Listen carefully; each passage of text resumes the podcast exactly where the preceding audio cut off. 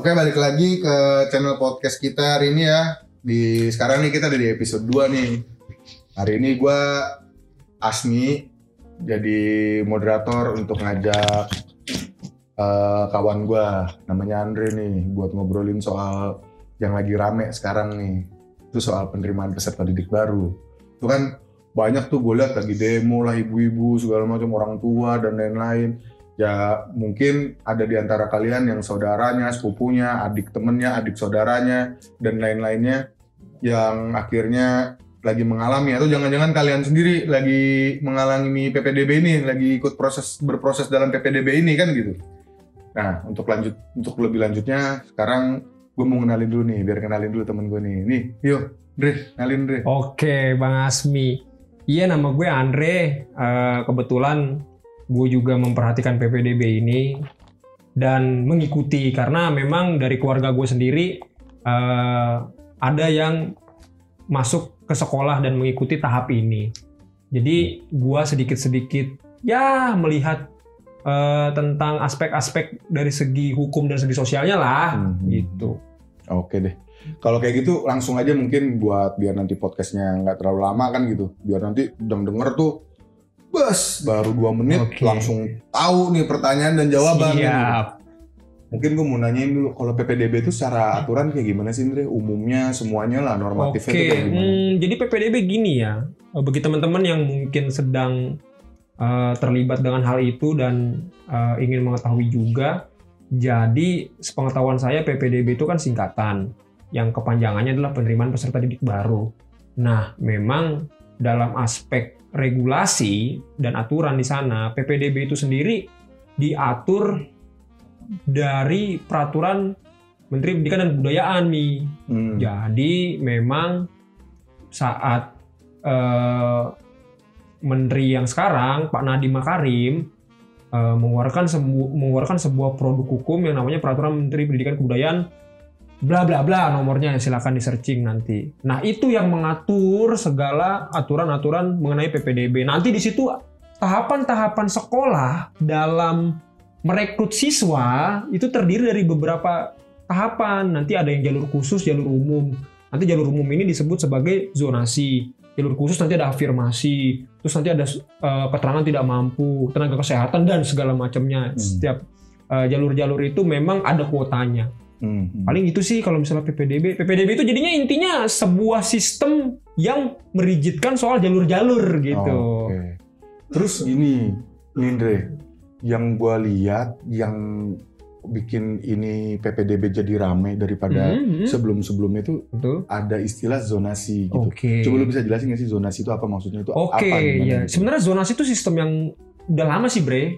Kalau menurut gue ya. Dulu kalau misalnya setiap anak sekolah masuk ke SMA, SMP atau dan segala macam kan ada namanya jalur bina lingkungan. Mhm. Nah, jalur bina, jalur bina lingkungan ini kan biasanya kan sebuah sistem yang disediakan sekolah atau jalur yang disediakan sekolah terakhir. Nah, tapi memang karena sekarang modelnya tidak ada ujian nasional, jadi jalur zonasi ini dijadikan sebagai jalur pokok dan memang kuotanya paling besar. Kalau dulu kan kuota paling besar pakai NEM, Mhm. ya kan?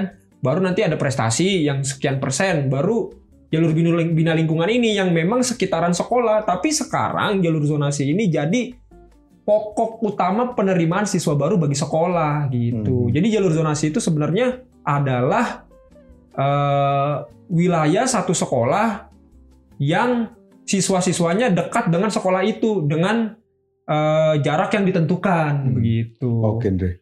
Oke, dangkep lah tadi. Hmm. Tapi ada hal lagi nih, Andre. Buat Hmm. bantu kawan-kawan pendengar lah nih yang Iya. mau mendengarkan podcast ini.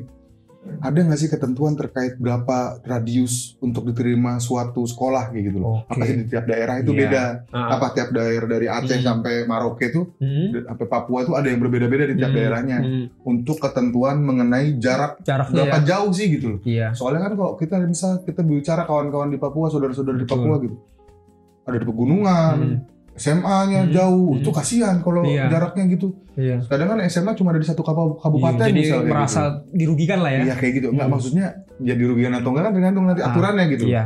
Nah ini aturannya gimana gitu. Sebenarnya saya ingin tegaskan dulu begini, Bang Asmi. Hmm. Sistem PPDB ini yang menggunakan jalur zonasi itu tidak berlaku dengan sekolah yang berbasis kejuruan SMK. Oke. Jadi memang sekolah-sekolah yang eh, SD, SMP, SMA yang eh, bukan kejuruan itu pertama.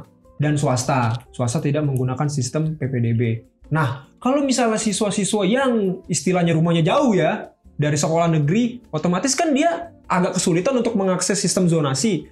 Makanya disediakan sistem yang namanya jalur prestasi. Jadi itu yang lebih diutamakan dulu, walaupun memang kuotanya nggak terlalu besar. Mhm. Awalnya kan eh, sekitaran 5-10 persen. Tapi karena ada kebijakan baru dari Nadiem Makarim memberikan kuota 30 persen dari 100 persen. Nah, masalah dari segi kerugian karena memang kita berkaitan dengan masalah-masalah yang sering terjadi, ada demonstrasi dari ibu-ibu, bapak-bapak yang seperti tadi Bang Asmi bilang, ada anaknya yang sebenarnya nggak terlalu jauh tapi kok tidak diterima kan gitu. Jadi begini Pak Asmi, Bang Asmi, eh, sistem zonasi itu berdasarkan pada kuota sekolah.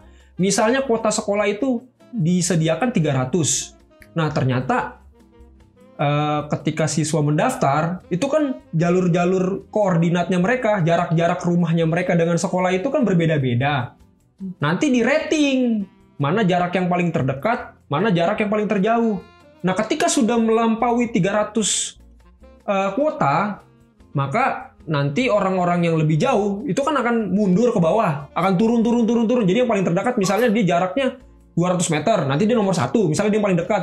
Habis itu yang paling dekat lagi mana? Nanti itu nomor 2, nomor 3 dan seterusnya sampai ke urutan 300. Nah, apabila nanti ada jarak yang di angka 300 dia eh, lebih, maka dia kan nanti masuk ke 301. Nah, itu jadinya dia tidak masuk. Nah, apabila memang siswa-siswa yang jauh dari zonasinya sekolah, berarti dia tidak memenuhi kuota sebenarnya. Bukan berarti dia tidak sesuai zonasi, karena zona setiap sekolah yang ada di kecamatan itu seluruh siswa yang di kecamatan itu zonasinya, zonasi sekolah itu. Tapi kan tetap bersaing secara urutan jauh dekatnya sekolah dengan rumahnya begitu. Berarti bukan nilai. Bukan nilai Oh. berbeda memang kalau misalnya di Jakarta ya kebijakannya setelah di rating dari sistem zonasi itu ketika sama wilayahnya maka dilihat dari segi umur. Nah ini nih yang jadi masalah. Hmm. Kalau misalnya ada cerita-cerita dulu tuh ada yang ngomong orang tua murid bilang sekolah negeri tuh nggak perlu jadi pinter, udah aja bodoh. Karena nanti umurnya tua, nggak naik kelas aja. Jadi dia lebih dulu diutamakan untuk sekolah gitu. Oke oke. Menarik. Yang nggak protes tuh begitu. Tapi gini nih, Andre. berarti itu gue dari omongan lu tadi berarti tiap daerah tuh beda-beda ya. Itu berarti setiap daerah tuh punya kebijakan masing-masing, aturan masing-masing. Jadi Permendikbud itu mengatur secara umumnya, Mhm. nanti di bawah-bawahnya ada aturan-aturan lain Hmm, tuh, iya, kayak gitu iya, ya. Iya betul betul. Hmm. Nah terus terkait kalau jaraknya Andre, Hmm. itu berarti nggak ada batasan, tapi tergantung kuota gitu. Kita Hmm. boleh aja Hmm. untuk melamar Hmm. di SMA yang jaraknya 7 km, 10 km, 20 km. Hmm. Boleh aja sebenarnya. Boleh kalau itu satu zonasi, Hmm. satu zonasi di daerahnya dia. Misal contoh, Ah, saya ini orang eh, Bekasi, kemudian saya tinggal di kota Bekasi. KTP saya adalah tinggal di kota Bekasi. Zonasi saya adalah sekolah di Bekasi. Seluruh di Bekasi itu sekolah Hmm. zonasi saya. Saya Hmm. bisa saja mendaftar di SMA yang jaraknya 500 meter. Saya juga bisa mendaftar di jaraknya eh, berkilo-kilometer tapi masih dalam kategori sekolah Bekasi. Hmm, itu satu gitu. zonasi Oh, gitu. berarti boleh. Saya di kota Bekasi, Ah. gue di kota Bekasi nih gue ngelamar di ujung sana selama masih kota Bekasi 10 Iya, km. Selama 12 itu sekolah bisa, bisa. Ya, itu satu bersaing zonasi. kuota kan gitu. Kayak bersaing dengan kuota, dengan kuota. Oh, Kuotanya oke, memenuhi atau tidak. Iya, itu sih. Begitu. Terus ap- apalagi nih kalau lu yang lu temukan selama lu ngelihat adik lu atau saudara lu itu Hmm. dalam proses PPDB itu gimana tuh? Apa Ya, apa yang lu temukan? Kita kalau kita kita bicara soal eh, apa ya? misalnya sempat juga di berita viral ngomongin soal jual beli alamat, surat pindah karena memang di aturannya eh, orang itu boleh pindah, Hmm. pindah rumah dalam jangka waktu satu tahun atau lebih kan, Hmm, hmm. minimal satu tahun. Jadi ketika dia sudah pindah selama setahun itu dianggap sebagai tempat tinggalnya dia. Bisa aja kan saya bang beli sekolah depan rumah, eh beli sekolah depan rumah kebalik, beli rumah depan sekolah, Wih, itu beli Baru rumah. juga sekarang Iya. ya buat orang-orang yang mau nyari rumah sekarang nih liatin juga tuh Iya, sekolahnya gitu betul. ya. Nanti nggak dapat zonasi atau Iya. jauh dan lain-lain kan pusing juga. Jadi Makin dekat sekolah makin ma- makin Jadi- mahal. jadi jadi kalau misalnya memang mau sekolah bagus, udah mending beli rumah di daerah sekolah situ kan. Hmm. Yang nggak usah beli sih ngontrak aja udah sebulan. Iya bener tuh harga Iya. tanah mahal sekarang ya Iya, beli sekolah aja kontrak. Habis itu nanti kalau udah masuk cabut kontrak, Iya, iya bener. ditinggalin tuh rumah.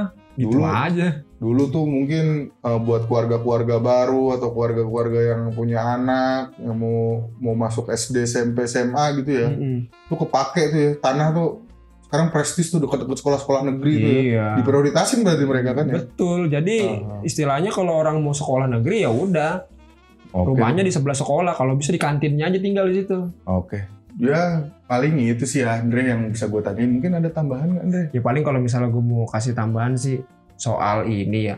Ya setidaknya pemerintah kalau bikin kebijakan dilihat juga lah bagaimana rumah-rumah orang yang jauh dari sekolah, yang pengen sekolah, jadinya kan tidak bisa sekolah.